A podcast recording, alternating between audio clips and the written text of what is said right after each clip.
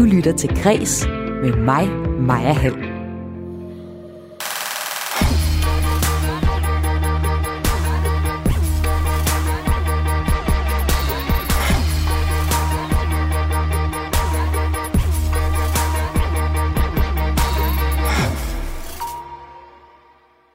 Politiet og Forsvarets efterretningstjeneste har advaret to store mediekoncerner mod at offentliggøre fortrolige oplysninger.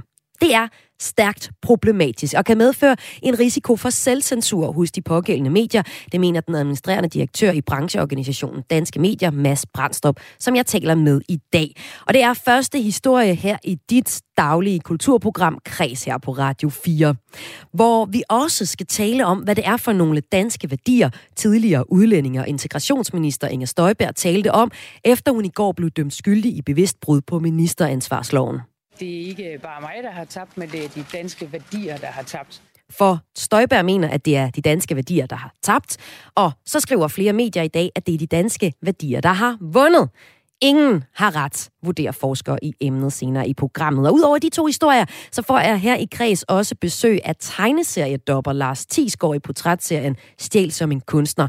Han er manden med de tusind stemmer, der kan strække sig fra vanvittige jokeren til lille nervøse grisling. Åh, oh, du, du, du godeste plus. Det er meget svært for sådan et meget lille dyr som mig. Og sidst i udsendelsen, der skal det handle om, at 6 ud af 10 museer, Kulturstyrelsen gik efter i sømne sidste år, ikke har en plan for, hvordan de skal redde deres vigtigste værker og genstande ud i tilfælde af brand, oversvømmelse eller andet.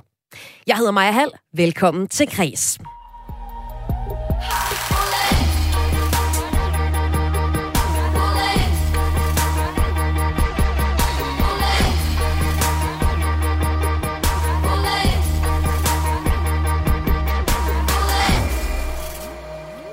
Hen over weekenden fik Berlingske Medias koncernchef Anders Krab Johansen og JP Politikens Hus administrerende direktør Stig Ørskov en ret usædvanlig henvendelse. Henvendelsen kom fra politiets efterretningstjeneste og fra forsvarets efterretningstjeneste, der indkaldte til et møde, hvor de advarede de pågældende mediehuse om, at det kunne være strafbart at offentliggøre fortrolige oplysninger, det skriver Ekstrabladet. Stig Ørskov kalder henvendelsen usædvanlig og siger til Ekstrabladet, at han aldrig har oplevet noget lignende før. Og hændelsen har også fået andre til at rejse kritik. Blandt andet chefredaktøren for Weekendavisen Martin Krasnik, der til Berlingske kalder henvendelsen for opsigtsvækkende og intimiderende. En anden, der også finder hændelsen stærkt problematisk og frygter for selvcensur på de pågældende medier, det er dig, Mads Brandstrup. Velkommen til Kreds. Tak skal du have. Du er administrerende direktør i Danske Medier. Der er den her brancheorganisation, der blandt andet kæmper for frie, uafhængige presse og sunde rammevilkår for mediebranchen. Hvorfor er det problematisk, at PET og FE retter den her henvendelse til JP Politikens Hus og Berlingske Media? Media? Fordi den ikke er knyttet op på nogen konkret trussel. Altså hvis det nu havde været sådan, at man vidste, at der var blevet lækket nogle helt konkrete øh, oplysninger, som ville kunne øh, skade Danmarks sikkerhed, hvis, øh, hvis de øh, slap ud i det fri, og man vidste, at de pågældende oplysninger var øh, lækket til et medie, så kunne man jo rette henvendelse til den pågældende mediechefredaktør og gå i en dialog om, øh, hvorvidt øh, at de oplysninger skulle holdes tilbage eller ej, og så ville det være en helt almindelig redaktionel journalistisk beslutning øh, fra den øh, administrerende chefredaktørs, ansvarshavende chefredaktørs side, side, om det så skulle ske. Men her er der jo tale om, at man tager, kom, øh, tager fat i øh, to af landets største øh, private mediehuse, og, og så udsteder sådan en blankoadvarsel, hvor man siger, at I skal hørt vi være opmærksom på, at hvis man øh, videreformidler den her slags oplysninger, så kan I komme i fængsel. Øh, og, og det kan jo dårligt opfattes som anden end en, en, sådan en generel trussel, øh, og det hører sådan set ikke nogen steder hen hjemme i et, øh, i et demokratisk samfund som det danske. Du frygter faktisk for selvcensur hos de pågældende medier. Hvorfor? Jo, fordi hvis, øh, hvordan, hvordan skal man tage det her ned? Altså lad os nu sige, at man, man bare tog det for pålydende, øh, og, og man ikke vidste. Øh, man, ved, man ved ikke, hvad det er for nogle oplysninger, de taler om. Øh, hvad, hvad vil de enkelte medier så gøre? Øh, vil, vil, øh, ligger der i det, at øh, journalister så skal være tilbageholdende med at kontakte kilder i, i efterretningsvæsenet, eller at øh, redaktører skal være tilbageholdende med at sætte deres journalister ud øh, på, på jagt efter historier? Altså det, man skal huske på, det er jo, at, at, at efterretningstjenesterne er jo en del af, af magtapparatet, øh, som alle mulige andre grene af, af, af regeringen. Og, øh, og de, dem ser øh, medierne efter i sømne, øh, ligesom gør med alt muligt andet. Øh, og, og det vil sige, hvis man, hvis man så i det her tilfælde har en, sådan en, en, en trussel om fængselsstraf hængende over hovedet, jamen så, så kunne øh, resultatet jo være, at man var tilbageholdende øh, med at forfølge historier, som har øh, almindelig interesse, og det vil jo være, øh, det vil jo være en katastrofe. Men Mads, tænker du ikke lidt lavt om øh, din øh, brancheorganisations medlemmer, fordi det er vel netop mediernes opgave ikke at lade sig selvcensurere af, af det her? Oh, men det er også derfor, altså her taler vi om, det er jo, det er jo ret betragtelige øh, fængselsstraffe, der er blevet talt om, altså 12 år. Mm. Øh, og og, og det, det er jo ikke noget, man sådan lige øh, kan sidde overhørigt.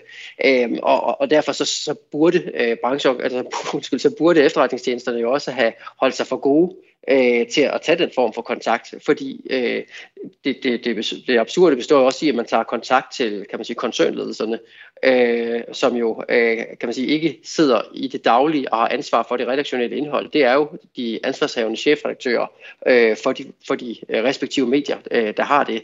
Så det er på alle måder øh, en ret kritisabel og meget besynderlig henvendelse, der er sket her. Og når du siger 12 år, så er det fordi samtalerne med JP Politikens Hus og Berlingske Media, så har efterregningstjenesterne henvist til straffelovens paragraf 109 styk 1 og oplyst om, at medier også er omfattet af den her paragraf, der kan give op til 12 års fængsel, hvis man viderebringer hemmelige informationer, kan vi læse i blandt andet Ekstrabladet i dag. Den her advarsel fra politikens og, eh, undskyld, politiets og forsvarets efterretningstjeneste kommer umiddelbart efter, at fire nuværende og tidligere efterretningsfolk i sidste uge blev anholdt og fremstillet i grundlovsforhør, sigtet for at øh, lægge højt klassificeret indhold.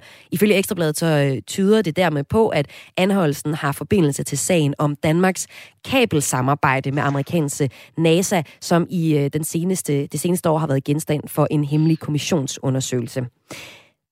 Mads, øh, kan man ikke også se det her som en hjælp til medierne, at de bliver gjort opmærksom på, at de skal være påpasselige, så de ikke bliver dømt? Jo, men hvis det var tænkt sådan, øh, så ville jeg da fra Søren mene, at man så skulle have været konkret. Altså fordi det her er jo brudstykker, øh, som, som Ekstrabladet her øh, forsøger at, at, at stykke sammen, og det kan jo meget vel være, at det er den kobling, øh, som der bliver lavet her. Men, men ret beset, øh, så har vi jo ikke nogen mulighed for at, at vide det. Øh, og det vil sige, hvis, hvis det her var tænkt som en, en, en serviceinformation om, at der er nogle øh, konkrete øh, informationer i omløb, som kan skade Danmarks relation til fremmede magter, øh, jamen så skulle de jo sige det. Altså, øh, altså igen, så, så vil jeg vende tilbage til, at, at det, som jeg, jeg synes er det problematiske her, det er, at man, man bare gør det som sådan en, en blankoadvarsel.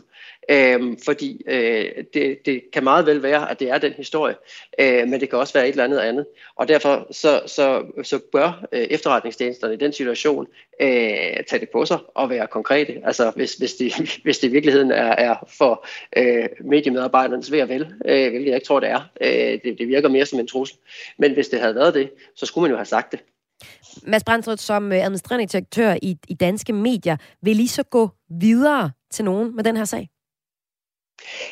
Ja, altså i første omgang så øh, øh har vi faktisk ragt ud til, til vores øh, internationale samarbejdsorganisation, øh, som World Association of Newspapers, øh, som kommer til at gå videre øh, med det her, fordi det er også i international sammenhæng øh, øh, et opsigtsvækkende træk. Øh, altså at, at man laver sådan en, en, en generel øh, afskrækningsmanøvre øh, øh her.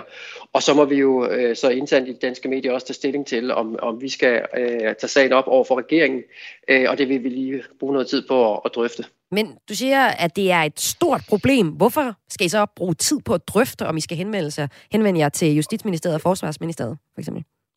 Ja, men det, det vil jeg godt lige være sikker på, at, øh, at det ikke kun er mig, der har det synspunkt, at det faktisk er noget, som, øh, som vi er enige om, men det tror jeg da, vi gør. Øh, fordi jeg, altså, jeg kan ikke huske, at vi har set sådan en sag før, øh, og der har været Øh, selvom at vi i, i, i Nordeuropa som regel er, er forskånet for den type sager, så har der været øh, et par eksempler på, hvor der bliver raslet med sablen på en måde, øh, som ikke hører hjemme i vores, øh, øh, kan man sige, vores del af verden. Øh, for, I Finland havde man øh, for nylig også en sag, øh, hvor at øh, journalister øh, fik renset deres hjem i forbindelse med, øh, en, hvor de havde skrevet øh, om, øh, om, om efterretningstjenesterne. Øh, så, så vi har behov for, for ret tydeligt at sige, øh, det går simpelthen ikke. Ja, så du synes, det grundlæggende problem i det her, det er, det er en, en bred advarsel. Havde det nu været på noget mere konkret, så havde det problemet ikke været så stort. stort. Vi, der er nok mange, der kommer til at tænke på tidligere PT-chef Jakob Scharfs bog, som der blev forsøgt at, at blive stoppet på grund af fortrolige oplysninger. Øh, og det var jo så en meget konkret sag, så, så er den anderledes i forhold til den sag, for eksempel? Mads? Jamen, den er jo så, øh, den er jo så anderledes, at, øh, at her brugte man systemet som systemet, det skal bruges. Mm. Uh, altså, uh, man, man henvendte sig med en uh, konkret uh, sag, man gik uh, via domstolene for at få nedlagt uh, fodforbud mod, at den så blev bragt. Altså, det var sådan, uh, og, og det kan man jo så være uenig i, og man kan gå op imod det. Uh, det, uh, det, som er problematisk her, det er, at, at der er tale om en, en, en uspecificeret uh, trussel mod den frie presse. Mm. Øh, og det hører simpelthen ikke nogen steder hjemme. Øhm, og, og derfor så er vi også nødt til at sige relativt klart, at, at det, øh, det bør ikke gentage sig. Lød det her fra administrerende direktør i Danske Medier, Mads Brandstrup. Tak fordi du var med her i Græs. Så tak. Og Mads Brandstrup var altså med til at kommentere på, at politiets efterretningstjeneste og forsvarets efterretningstjeneste har advaret JP Politikens Hus administrerende direktør Stig Ørskov og Bergenske Medias koncernchef Anders Krab Johansen imod at rapportere fortrolige oplysninger helt generelt. Vi har her på kreds rettet henvendelse til både politiets efterretningstjeneste PT og forsvarets efterretningstjeneste FE. PT har ikke svaret, og FE har ikke ønsket at medvirke her i kreds i dag. Du lytter til Kres med mig, Maja Hall. Tidligere udlændinge- og integrationsminister Inger Støjberg blev af rigsretten fundet skyldig i bevidst brud på ministeransvarsloven, da hun i 2016 forbød mindreårige mellem 15 og 17 år at blive indkvarteret sammen med deres ægtefælle eller sammenlever på asylcentre. Og det var en dom, der havde betydning for noget mere grundlæggende end hende som politiker, kommenterede hun i går. Jeg synes jo, at det er de danske værdier, der har tabt øh, i dag. Det er ikke bare mig, der har tabt, men det er de danske værdier, der har tabt. Øh, jeg mener, der er noget helt forkert i, hvis man ikke skal beskytte piger, øh, der kommer hertil. De danske værdier har tabt, lød det blandt andet til TV2. Eller så har de vundet. For på den modsatte fløj stiller medierne, blandt andet Berlingske Politikken og Altinget, sig i kor og fremhæver det i ledere og kommentarer i dag som en dansk værdi, at Støjberg blev dømt, og retsstaten virker. Alle påråber sig simpelthen, at, de, øh, at have de danske værdier på deres side, men ingen af dem har ret.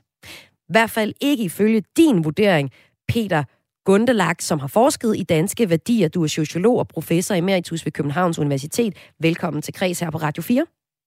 Tak for det. Hvorfor har hverken Støjberg eller modstanderne ret, når de taler om danske værdier? Ja, det har de ikke, fordi øh, man kan sige, altså hvem som helst kan sige noget af danske værdier. Øh, hvis man spørger 100 forskellige mennesker, så vil de sikkert alle sammen sige, øh, noget forskelligt om, hvad der egentlig er en dansk værdi.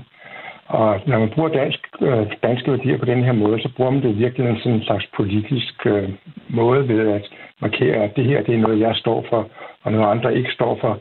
Men de bliver jo ikke testet, de der værdier, i forhold til fakta eller undersøgelser. Det er mere sådan en måde at sige på, at her har vi noget, jeg mener, og noget, som jeg synes er godt, fordi når det er dansk, så er det også godt. Hvilke værdier har vi, der er specielt for os danskere? Ja, altså hvis man skal sige det, altså hvad undersøgelser viser, så kan man lave mange forskellige ting, men det kan for eksempel være, at vi lever i et samfund, som er, som er meget tillidsfuldt, eller der er mange mennesker, der tilslutter sig demokratiske værdier. værdier.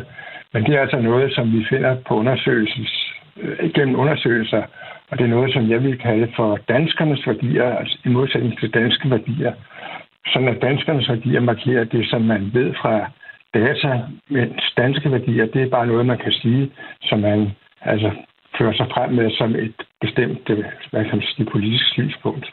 Okay. Jeg skal lige høre dig, Peter Gunnelag. Vil du ikke tage høretelefonerne ud af din telefon? Der er en lille smule krummer på linjen, så jeg tror, at uden høretelefoner, så står det en lille smule skarpere. Det gør jeg nu. Tak skal du have. Og vi taler altså her i Kreds på Radio 4 i dag om, hvordan både Inger Støjberg siger, at øh, retssagen i går var en tab, et tab for de danske værdier, samtidig med, at vi i dag kan læse i ledere og kommentarer, at det er en dansk værdi, at Støjberg blev dømt, og at retsstaten virker. Og øh, det vi altså kan høre Peter Gundelak sige her som forsker i danske værdier, jamen det er, at der er ikke nogen af dem, der har ret, for man kan ikke bare sige, man kan ikke bare bruge danske værdier som sådan et, et smart ord. Det er i hvert fald det, jeg hører dig forklare her. Gundelak, er du stadig med på en telefon her i Radio 4? Ja, det er. Det er ja. godt. Støjbær, Berlingske, Politikken og Altinget taler altså alle om værdier i dag.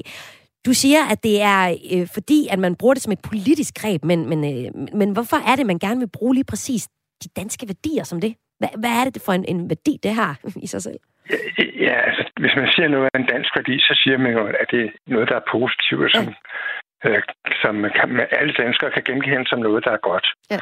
Øh, og derfor så bliver diskussionen mellem, hvad der er danske værdier, en slags diskussion om, hvordan man skal forstå, hvad det vil sige at være dansk, eller hvad det vil sige at tilhøre Danmark. Men det er ikke noget, som skal man sige, kommer udefra. Det er noget, som man selv kan definere, og de her eksempler... Men, men er retsstaten ikke en dansk værdi? Det kan man ikke sige, eller hvad? Peter? Øh, det, kan man, det kan man godt sige. Altså, man, man kan også sige, at øh, det der med forføl- hvad hedder det, at, øh, at forskellige unge, de ikke kan gifte sig med hinanden, eller blive skilt, at det er en dansk værdi, eller man kan sige, at, hvad ved jeg, øh, leverpostej er en dansk værdi, eller flæskesteg, eller frikadeller er en dansk værdi. Altså man kan sige alle de her ting som noget, øh, som man kan indgå i en debat, men som ikke bliver testet i forhold til, hvad der rent faktisk foregår. Altså man er nødt til at sige, hvis man skal diskutere det her på sådan et rationelt grundlag, så skal man diskutere det på baggrund af den viden, der findes. Mm. I stedet for, ja, Ja, det giver jo god mening egentlig. Hvis det er en dansk værdi, så skal det være noget, flertallet af danskere kan stå inden for, er en værdi. Så Inger Støjberg, hun forklarede uddybende til TV2 i går, at den værdi, hun taler om, handler om den danske værdi, at altså, at det ikke er en dansk værdi, at, eller det er en dansk værdi at adskille asylpar, eller uddybende, det, det kan vi lige Jeg synes, det er en, øh, en øh, underlig tilstand, vi er kommet i, hvor man kan komme hertil som øh, ældre mand med en, en yngre pige, som man måske endda har gjort gravid som 12-13-årig, og så går man fri, hvorimod det er mig, der men, bliver straffet for men, at forsøge at beskytte dem. Det synes jeg er galt. Så Peter Gundelag, som forsker i danske værdier, afslutningsvis. Hvad skulle Inger Støjberg gøre, hvis hun skulle finde ud af, om hun har ret i, at det er en dansk værdi at adskille asylpar, øh, hvor den ene part er, er mindreårig? Ja, så skulle hun jo altså, i princippet lave en undersøgelse af det, hvor hun konstruerede et spørgeskema, hvor man spurgte folk, om at de anser, hvordan de vurderer det her fænomen, og om det er noget, som danskerne tilslutter sig. Og så vil man måske finde, at det nok er, at hun har ret i, at det er noget, danskerne synes om. Men det kan også være, at, eller ikke synes om og det kan være det, men det kan være det samme, der foregår i andre lande, så der ikke er noget, der er specielt dansk, for eksempel. Øh, og på samme måde kan man sige, at øh, de her aviser, når de definerer noget som danske værdier, så kan de sige, at øh, det kan man undersøge, men det kan være, og så kan det være, at befolkningen bakker op om det, eller også ikke om det, men op om det. Men det skal ligesom være baseret på nogle fakta. Lød det her fra Peter Gundelag. Tak fordi du var med her i Kreds. Velbekomme. Værdiforsker, sociolog og professor emeritus ved Københavns Universitet. Inger Støjberg blev ved gårdsdagens domsafsigelse i rigsretten idømt 60 dages ubetinget fængsel. Om lidt her i Kreds, dit daglige kulturprogram her på Radio 4. Og sidste udsendelsen, der skal det handle om, at 6 ud af de 10 museer, Kulturstyrelsen gik efter i sømne sidste år, ikke har nogen plan for, hvordan de skulle redde deres vigtigste genstande ud i tilfælde af brand, oversvømmelse eller andet. Mængden af biokratiske krav til museerne er simpelthen blevet for stor, lyder grunden fra en af dem. Men den grund holder ikke med chefkonsulent i Slots- og Kulturstyrelsen Berit Frulund Kærside. At få styr på, hvilke værker, der skal reddes i tilfælde af f.eks. brand, skal museerne simpelthen prioritere, siger hun. Sådan ret øh, grundlæggende krav, når ens opgave blandt andet er at skulle bevare vores fælles kulturarv. Men inden vi kommer ind på den historie, der skal det handle om øh, manden med de tusind stemmer, som jeg nu har besøg af her i Kreds.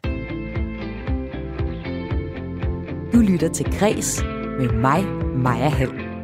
Lars Tisgaard, velkommen til Kres. Tusind tak skal du have. Du er tegnefilmstopper eller stemmeskuespiller, og vil nok mhm. Danmarks mest øh, velkendte stemme.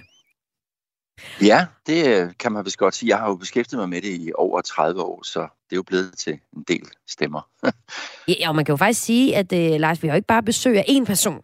Jeg har også blandt andet besøg af vortesvinet Pumba fra Løvernes Konge. Hakuna Matata til jer alle sammen.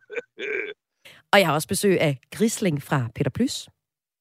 Åh, oh, du godeste. Det, det er meget spændende for sådan en lille dyr som mig at være i radioen. Og så har jeg også besøg af Byggemand Bob. Kan vi klare det? Ja, vi kan. Hej, hej. Og også velkommen til det. Som man kunne høre her, Lars, så, er, så kan du noget med din stemme. Du er blevet kaldt manden med de tusind stemmer, og det er du, fordi du er lyden af en masse kendte tegnefilmsfigurer. For eksempel Pumba, som vi lige hørte før, men også andre som Shrek, Scooby-Doo, Jokeren i Batman og tegnefilmene. Herudover så har du også arbejdet som tegnefilmsinstruktør, hvor du har instrueret andre skuespillere i at lave gode stemmer til figurer. Du har blandt andet instrueret skuespillere som Ove Sprogø, der spillede Saren i Aladdin. I øh, samme film instruerede du også Preben Christensen, som spillede ånden Genie, for at bare nævne nogle stykker. Og Lars, nu ja. er du så med i portrætserien Stjæl som en kunstner. En serie, hvor jeg med udgangspunkt i det gamle ordsprog, gode kunstnere låner, men de rigtig gode stjæler taler med kunstnere som dig om, hvem mm. I er inspireret af. Og øh, ja. Lars, i dit arbejde, der er du stjålet fra en bestemt dansk komikerhelt, som mange af os helt sikkert kender, nemlig Dirk Passer. Ham her jeg synes nu heller, at vi skulle have beholdt storken. Men de skulle absolut have den unge. Så derfor har jeg fået den her hoppegynge, bare fordi jeg hver gang, der er noget med min lillebror, så kan de proppe mig heroppe i og habba, habba, habba, habba. Ja, ja Jamen, altså smilet bliver jo, altså man, han kalder jo smilet frem, øh, og, og for mig i min barndom, der var Dirk sådan et, et lyspunkt, når man kiggede ud over den, den voksne verden, som godt kunne virke rimelig alvorlig, hvad den jo også er. Men, men så var der sådan en som Dirk Passer, som hver gang han dukkede op, eller jeg hørte ham på, jeg havde sådan nogle singleplader med nogle af hans monologer, så var der den her livsglæde og livsenergi og gakkethed og stort i udtrykket, som, som jeg bare synes var vidunderligt. Altså, og det tror jeg øhm, virkelig, der er mange lyttere, der kan ikke genkende til. Er det egentlig ja. også sådan, Lars, at du godt kan lide at blive i det, hvad skal man sige, det børnede univers, fordi der nogle gange er bare utrolig meget katastrofer, når man kigger ind i 21-30'erne for eksempel? Ja, men det er da rigtigt. Øhm, altså tegnefilm tager jo den verden, vi kender, og, og forstørrer den og gør den skør og, og, og giver stemmer til alle mulige ting, der normalt ikke kan tales. Så det er jo sådan en, det er jo en eventyrlig verden, men, men jeg synes jo, at ligesom øh, hvad kan man sige, man kan tale om, at, at der er alvor i den voksne verden, så er der jo også alvor i tegnefilm, fordi ja. altså løvernes konge, når, når Simba tror, han har været skyldig af, af hans far død osv., der er jo masser af alvor i de film også. Øhm, men, men primært så elsker jeg tegnefilm, fordi der er så meget energi i stemmerne, og der netop er den her øh, livsglæde, som, som ligger i den originale film, og som vi så skal give videre, når vi, når vi dopper det til dansk. Og Lars, det er du faktisk netop lige nu på øh, turné med et show om. Øhm, det er jo egentlig din stemme, der er kendt, men du er altså aktuel med et foredrag, som du rejser rundt i hele landet med, hvor man øh, vil kunne blandt andet øh, se eksempler på, hvordan du live-dopper nogle ting på scenen. Ja. Hvorfor skal vi have et foredrag for dig, Lars? Jamen, jeg var på sådan et... Jeg, jeg tager tit på kurser for at ja. finde ud af, øh, og jeg tænkte, det kunne være sjovt at lave et foredrag. Hvordan gør man det? Så var jeg på et kursus, og der sagde læreren til mig, hvis man er fyldt 60 og har beskæftiget sig med noget i rigtig mange år i sit liv, så gider folk godt høre lidt om det. Og det passede på mig. Jeg er 62, og i over 30 øh, år har jeg arbejdet med, med dubbing af tegnefilm. Så, så der opfyldte jeg ligesom øh, et af kravene, og så tænkte jeg, fint, så, så vil jeg prøve at strikke noget sammen. Og øh, jeg har været ude et par måneder nu, og jeg må sige, at jeg er utrolig glad for, øh, for den respons, jeg får på det, og mange, mange søde beskeder fra mennesker, der har fulgt med siden Disney Show startede, og, og, og siddet der og hygget sig med luftens helte og hvad det var. For det var lige der, jeg begyndte at, ja. at komme med i mange af de serier. Øhm, og også de store biograffilm, Skønheden og Udyret, Aladdin, som du nævnte, og Løvernes Konge og så videre. Så jeg får, på en måde får jeg en lille hilsen fra rigtig mange af dem, jeg har optrådt for, men jeg har aldrig mødt dem, for jeg har jo stået inde i studiet, og så er det blevet sendt ud i tv eller biografen. Så det er meget, meget, meget vidunderligt. Er det særlig øh. nostalgien, folk de øh, reagerer på, når de øh, kommer til foredragene? Altså, de kan huske dig ja. fra alle stemmerne. Ja, altså de kan jo huske måske figurerne, og har måske for nogens vedkommende slet ikke vidst, ej, er det også dig, der laver den? Mm. Og det er jo klart, det er jo en tur ned af Memory Lane. Der er mange af dem, der kommer til foredraget, der er i 30'erne. øhm, som netop er vokset op med, med, med mange af de stemmer, jeg har lavet, også på Cartoon Network og nogle af de andre. Og, øh, og de hygger sig med at, at, at få et lille klip fra en af de der gamle film, og så få lidt at vide om, hvordan laver jeg den stemme? Hvad er det teknisk, jeg gør for at kunne lyde på den måde? Det prøver jeg så at sætte nogle ord på. Øhm, og så er det hele taget, hvad er det, der foregår? Det er jo sådan lidt hemmelig verden at, at lægge stemmer til tegnefilm, fordi egentlig skal folk jo ikke tænke andet end, at hov, nu er det Scooby-Doo, der snakker. De skal jo ikke tænke, nå, det er da Lars Thiesgaard. Mm. så, så på den måde er det også et kig ind i en lidt hemmelig verden, hvor der er en masse sjove øh, regler og, hvad kan man sige, ting, vi går og gør for at få det til at lyde, som det gør på tegnefilm. Og her i Kreds i dag, Lars, der der skal du ja. også inviteres ind i den hemmelige verden, der handler om, hvem du er inspireret af. For i portrætserien ja. Stjæl som en kunstner, jamen, øh, så går jeg helt tæt på jeres inspirationskilder. Og øh, ja. jeg ved, du er uddannet skuespiller, du kom ind i tegnefilmbranchen mm-hmm. på et heldigt tidspunkt, hvor der var gang i Disney-produktionerne, og de havde brug for at få ja. lavet danske versioner af rigtig mange stemmer. Og ja. i det her arbejde, så er du inspireret af særlig energien fra Dirk Passer. Så lad os lige tage lidt mere af ham, så vi kan høre, hvorfor Dejligt. at det er så stort, og han er så stort idol for netop dig. Ja. Yes. Så gennem flere gader hørte man den vrede fader. Hvem har du krydset din gadedør, lille Anne-Marie? Når har du mistet noget, du havde før, svar din kolibri. Og hvor skal du hen i den balladebøger med stridtfjer og facadesløger? Er du måske ambassadeklør? Åh oh, fy, åh oh, føj, åh oh, tvin. Du skal vist have dig ind på flade før. Samtalen er mig forbi.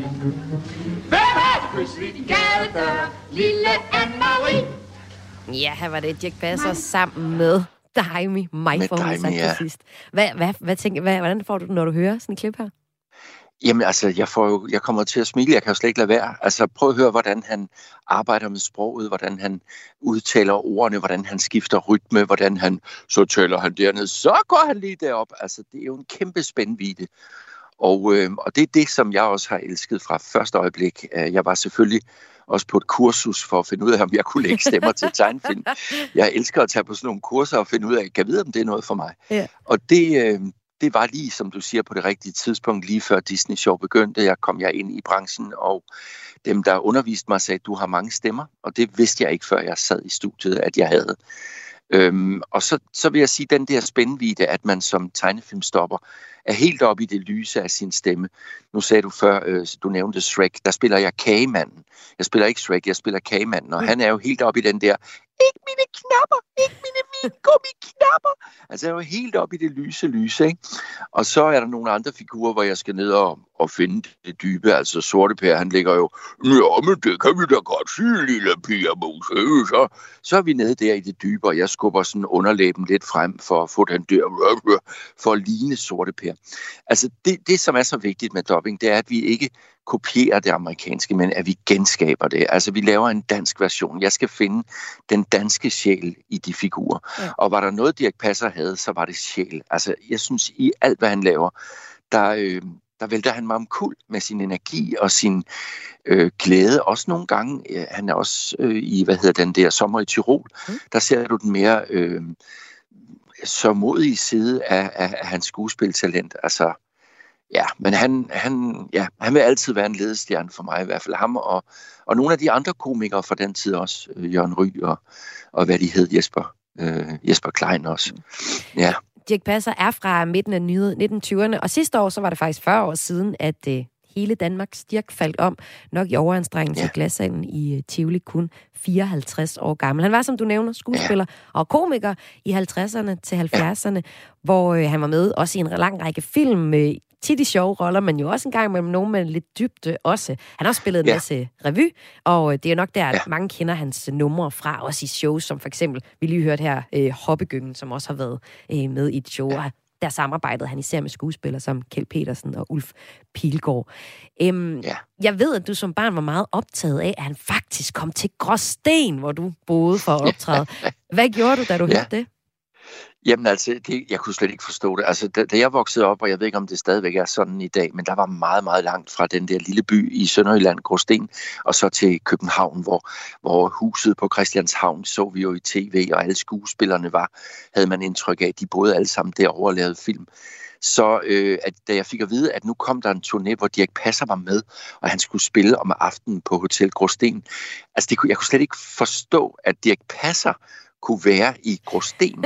og øh, efter skoletid, så bestilte jeg simpelthen ikke andet den dag end at cykle rundt, altså alle mulige steder, og kigge, om jeg skulle være så heldig at få øje på ham. Ja, det gjorde jeg desværre ikke, oh. men... Øh, jeg fik at vide, jeg var for lille på det tidspunkt til at gå i teatret. Det var jo sådan lidt, måske lidt voksen forestilling. Jeg tror, det var den, der hed Solstik. Øhm, og de voksne fortalte jo så dagen efter, at det var god nok, han, han havde været der. Ja. Øh, men, men, men det var jo efter min sengetid, han jo nok er ankommet, og der, ja, sådan var det. Ja. Så jeg måtte øh, have ham på plade, og jeg måtte se ham i fjernsynet og gå i biografen og sådan noget. Lars Isgaard, vi er i Danmark egentlig, øh, rigtig mange danskere er stolte af Dirk Passer, men han er jo også blevet ja. udstillet som en drukkenbold, og en mand, der sagde ja til for mange ting, så når han sled sig selv op. Det fortæller ja. hans søster, øh, Marken Passer, blandt andet om i en dokumentar til TV2 i 19. Her fortæller hun, at han faktisk havde skrevet et testamente, selvom han døde meget ung, hvor øh, han sørger for, at hans okay. mor Ravnhild var, var sikret et årligt beløb at leve for. Lidt som om, at han godt ville no. vidst, at han ville brænde ud tidligt. Ja. Så han er jo faktisk også ja. en mand, der rummer øh, også en mørk side. Men når jeg hører dig fortælle Absolut. om det, Lars Tisgaard, så ja. er det igen den positive øh, del af, af Dirk, du tager med i dit arbejde. Ja, det er det, fordi man kan sige, at det andet er jo, hvad jeg vil kalde privatliv.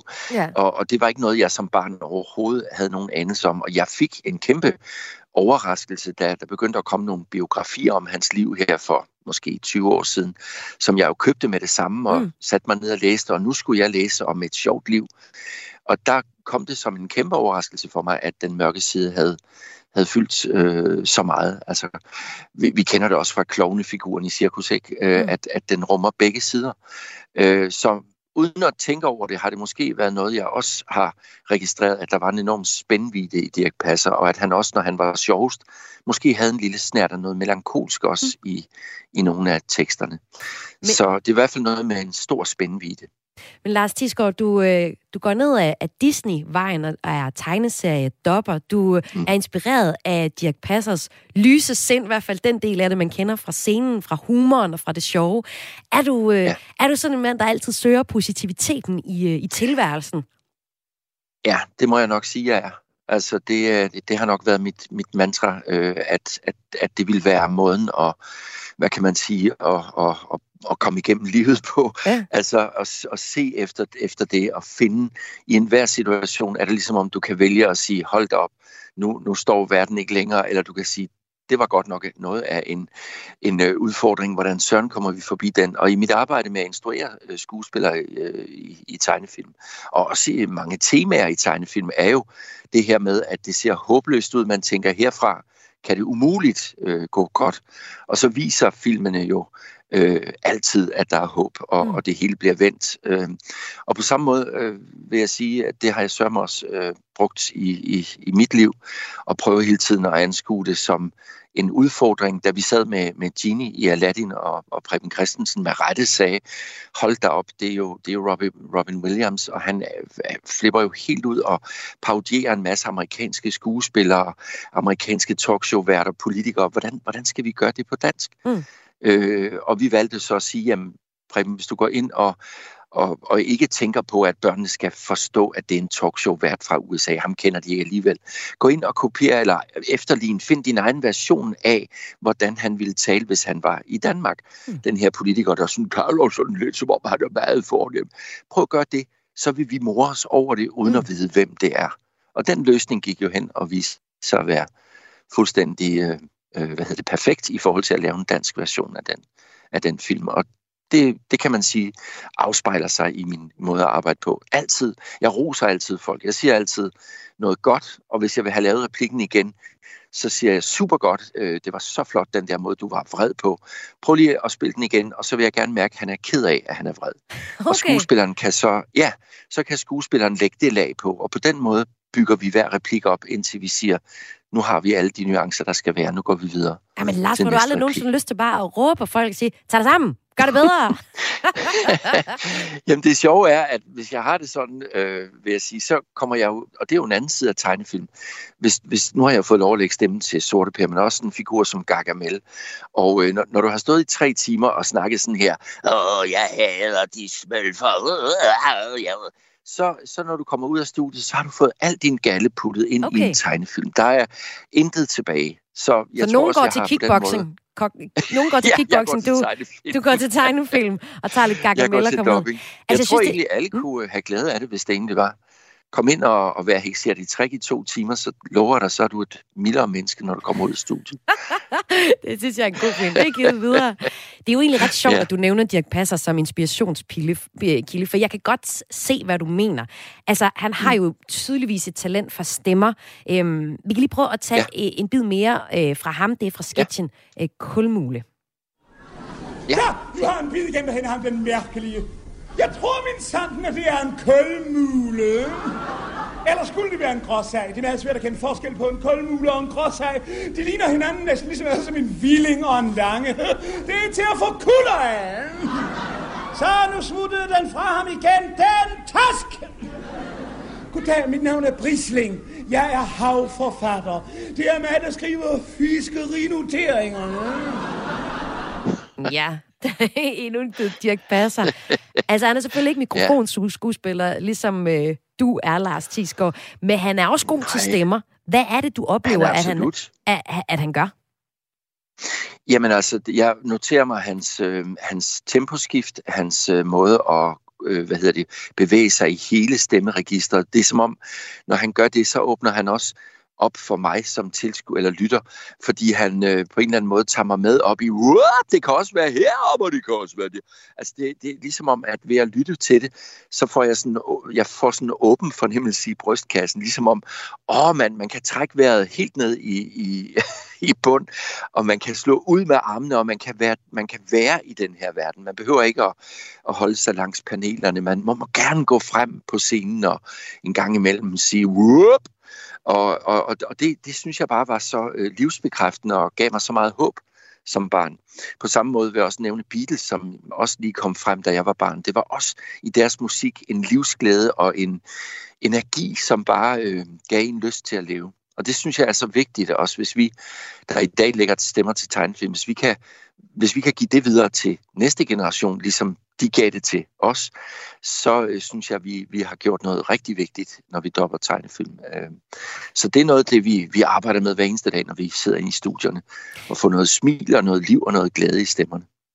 Men øh, Lars, når man er stor som en folkekær skuespiller som Dirk Passer, eller manden med mm. de tusind stemmer som dig, Lars, så kan man heller ikke undgå, at der er opstår en debat omkring det, man laver. Og øh, en af de debatter, vi har set på det sidste i skuespilfaget, men også i tegnefilms dobbingbranchen, det er debatten mm-hmm. om repræsentation. Altså om der er Ja. forskellige, det, det værste, både folk med forskellige hudfarver, forskellige stemmetyper og fra forskellige samfundslag, der lægger stemme til de forskellige karakterer. For eksempel i forbindelse Ja. med tegnefilmen Soul, eller på dansk Sjæl, øh, der kom Ja. der en kritik af, at øh, selvom karakteren var mørk, så var det en hvid person, som indtalte stemmen. I den danske version, der var det Nikolaj Likos, der indtalte Ja. stemmen. Hvad tænker du om, at den her diskussion, den opstår? Jamen, øh, det er jo helt nyt, kan man sige, for sådan en som mig, der i 30 år har siddet og fået beskrivelser af den stemme, jeg skulle finde, ud fra, hvor gammel er skuespilleren, øh, er det en skuespiller, er det en komiker, er det en skuespiller, der har spillet masser af Shakespeare-roller på teatret. Alle mulige indikationer, beskrivelse af originalstemmen. Og øh, ud fra det, kan man sige, har vi så kigget i, ud i Danmark og sagt, er der nogen, som minder om det? Skal vi, har vi en komiker, der på samme måde som den her originale stemme er lidt hæs, og øhm, ja, sådan nogle ting har vi siddet og kigget på, og der har aldrig i alle de år stået noget om, om etnicitet.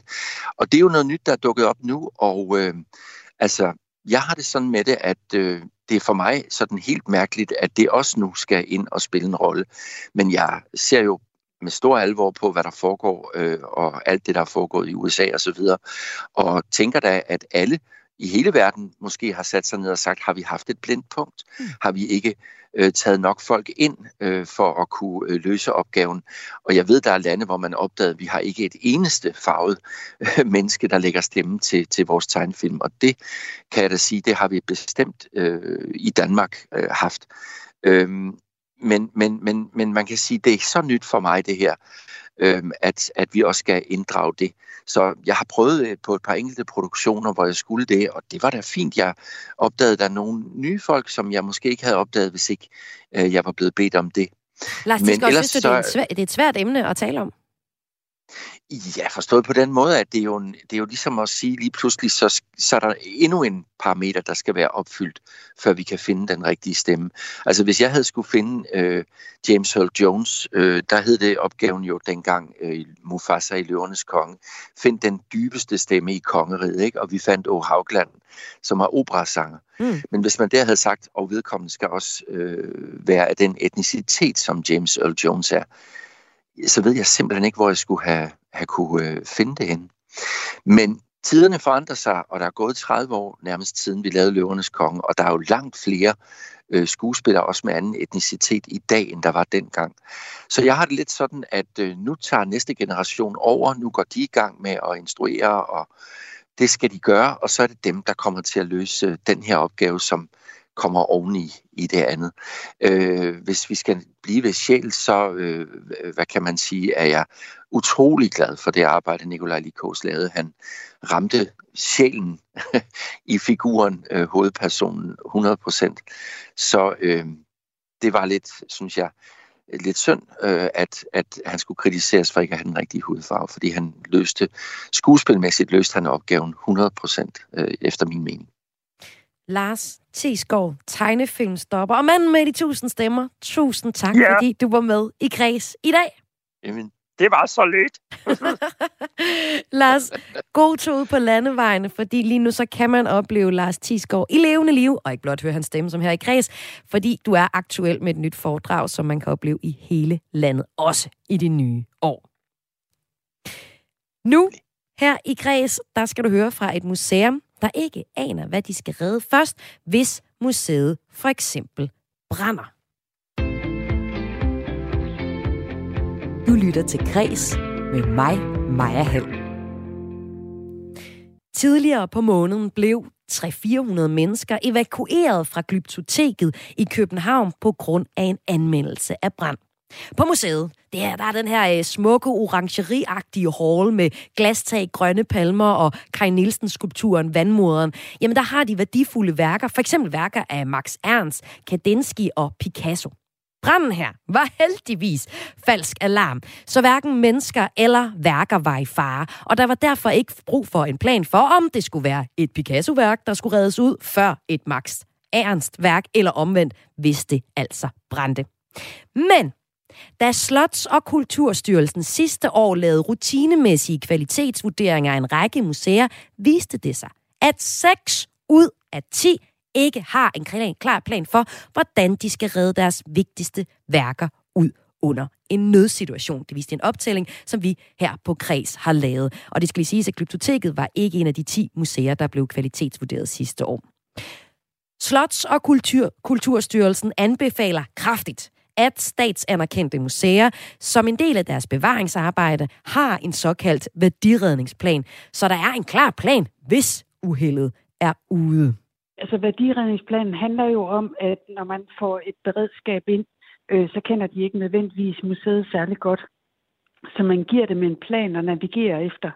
Man siger, øh, man siger, at hvis man nu har et kunstmuseum, hvor man har 200 værker på væggene, så siger man, hvad det er for tre, fire, der er de vigtigste og mest værdifulde, og det kan både være ud fra en økonomisk værdi, men det kan også være ud fra sådan en, en øh, mere sådan kulturhistorisk værdi, at der er nogle værker eller genstande, der, der er mere værd. Og så giver man øh, beredskabet et kort at navigere efter, så de ved, hvor de genstande de er henne sagde her chefkonsulent i Slots- og Kulturstyrelsen, Berit Frolund Kærside. Et af de museer, der ikke har en plan for, hvad brandvæsenet for eksempel skal hente først ud i tilfælde af brand, det er Øhavsmuseet i Forborg. Og med derfra, der har jeg nu museumsdirektør på Øhavsmuseet i Forborg, Peter Thor Andersen. Velkommen til Kreds. Mange tak skal du have. Hvorfor har I ikke nogen plan, Peter? Ja, altså, jeg fristes næsten til at starte med at, at citere et meget kendt øh, uh, sms, at jeg lægger mig ned og ruller rundt.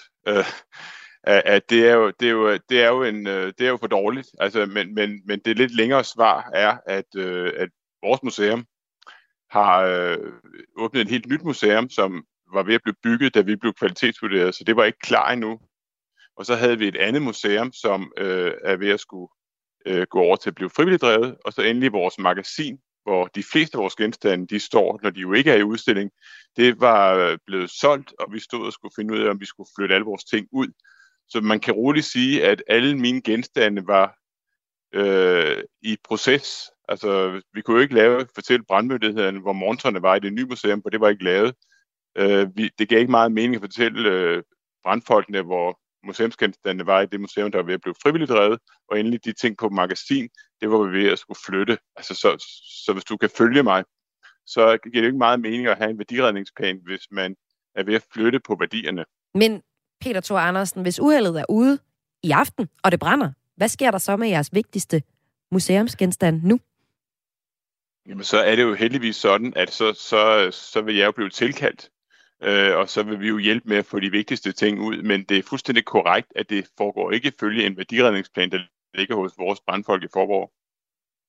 Så det her, det er jo faktisk en ren tilståelsessag. I har simpelthen ikke fået lavet en værdiredningsplan. Nej, altså vi har synes det var ret svært at lave i situationen, men det er fuldstændig rigtigt. Det er derfor, jeg startede med at sige lidt med glimt i øjet, at det er en tilståelsessag. Mm. Vil I rette op på det nu? Selvfølgelig vil vi det. Det har vi sådan set lovet Kulturstyrelsen. Og hvor lang tid går der før, at der ligger en plan? Øh, jamen, det vil vi gøre her øh, i løbet af, af, af foråret, altså vinterforår. Så hvis det brænder så, så den... inden, eller oversvømmelse, eller hvad ved jeg, så er der ikke noget at gøre indtil, indtil foråret, så er det dig, der kommer ned og siger, åh, oh, tag lige den der med, og husk den der, ah, den er ikke så vigtig. Er det sådan, det foregår så? Øhm, så vil jeg jo ikke mene helt, det foregår, men, men, øh, men jo, på en måde kan du have ret. Som statsanerkendt museum, så skal man leve op til museumslovens bestemmelser om bevaring af museets genstande. Det er ikke et lovkrav at have en værdiredningsplan, men Slots- og Kulturstyrelsen anbefaler kraftigt, at man har det. Vi har her på Kreds talt med flere museer, som fortæller, at anbefalinger om værdiredningsplaner ofte bliver skubbet i baggrunden, fordi mængden af krav fra både fonde og statslige kommunale myndigheder er vokset betragteligt de seneste år. Det er også det, du fortæller jo faktisk her, Peter Thor, Andersen, museumsdirektør på Øhavsmuseet i Forborg. Hvordan har mængden af byråkratisk arbejdsopgaver ændret sig for jer de seneste år, udover at de jo har flyttet nogle, øh, noget, noget museum?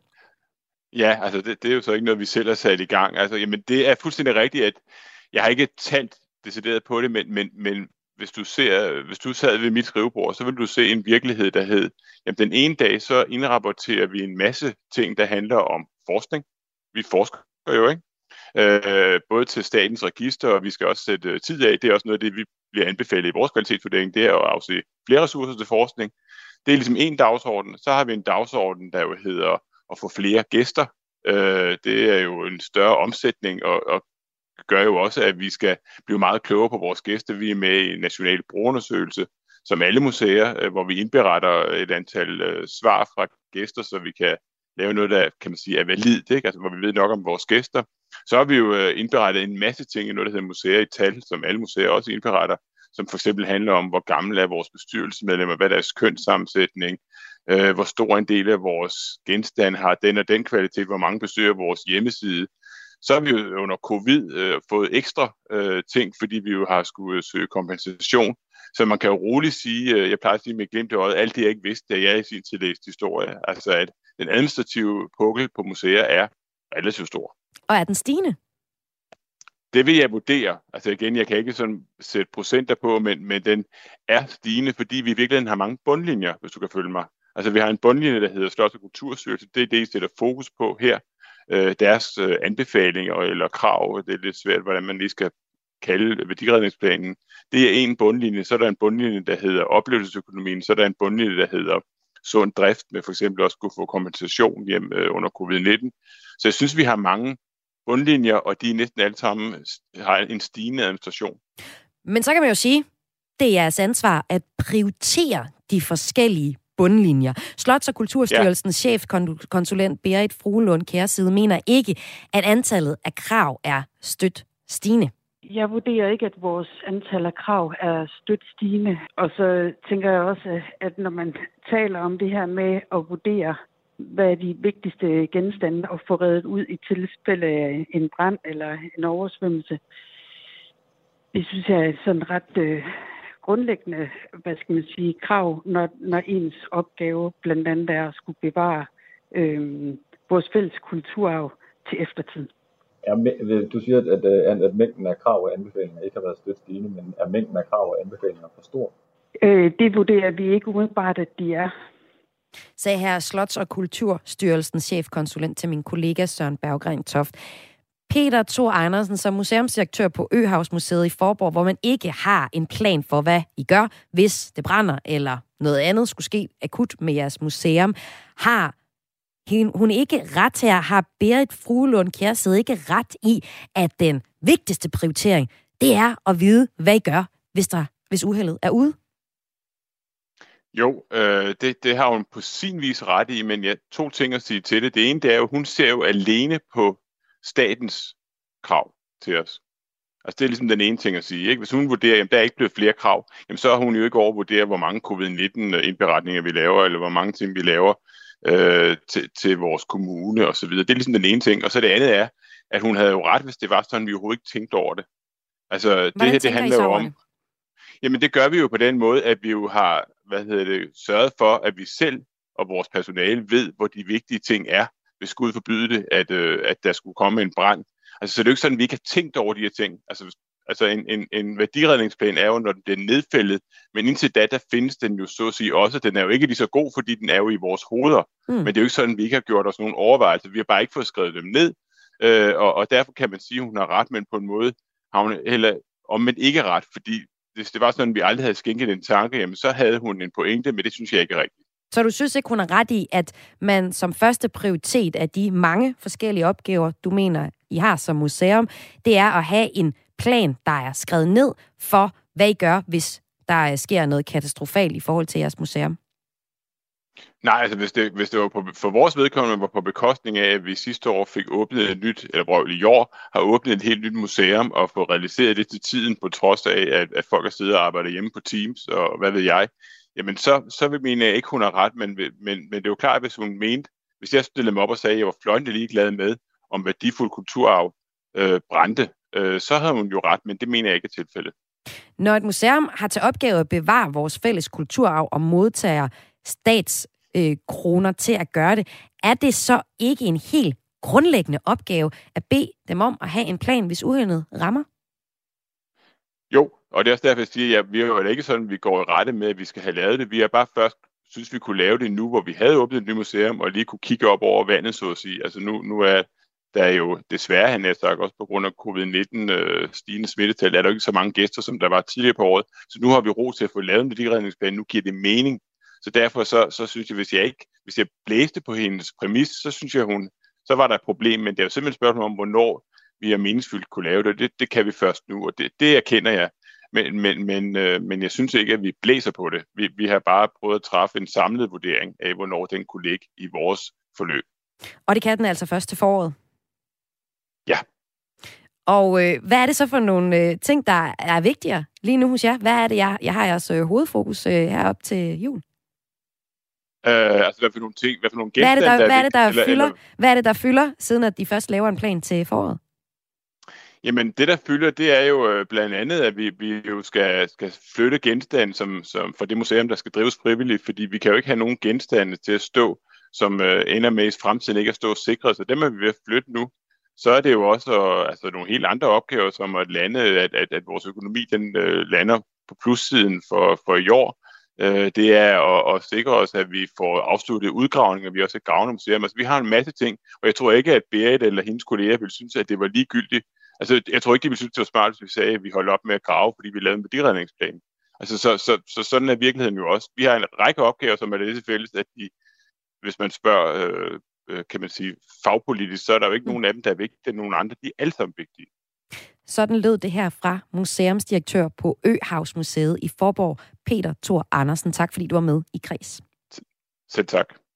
I 2018 der brændte det 200 år gamle Nationalmuseum i Brasilien, og cirka 2 20 millioner historiske genstande, blandt andet græskromers kunst, kalkmalerier for Pompeji, et 12.000 år gammelt skelet og Brasiliens største meteorit gik op i røg. Det er jo altså øh, risikoen, der er, når man ikke øh, har en øh, plan på skrift, men som vi kunne høre her Peter Thor Andersen sige, så har han den i hovedet. Det her, det var alt for Kreds for i dag. Et program tilrettelagt af Laura Lind Dueholm og Søren Berggren Toft og Toge Gribing. Og mit navn, det er Maja Hall. Jeg har også været vært de sidste 55 minutter her på Radio 4's daglige kulturprogram Kreds, der sender hver eneste hverdag fra kl. 14.05 til 15.00. Nu er der et nyhedsoverblik, og så er der missionen her på Radio 4.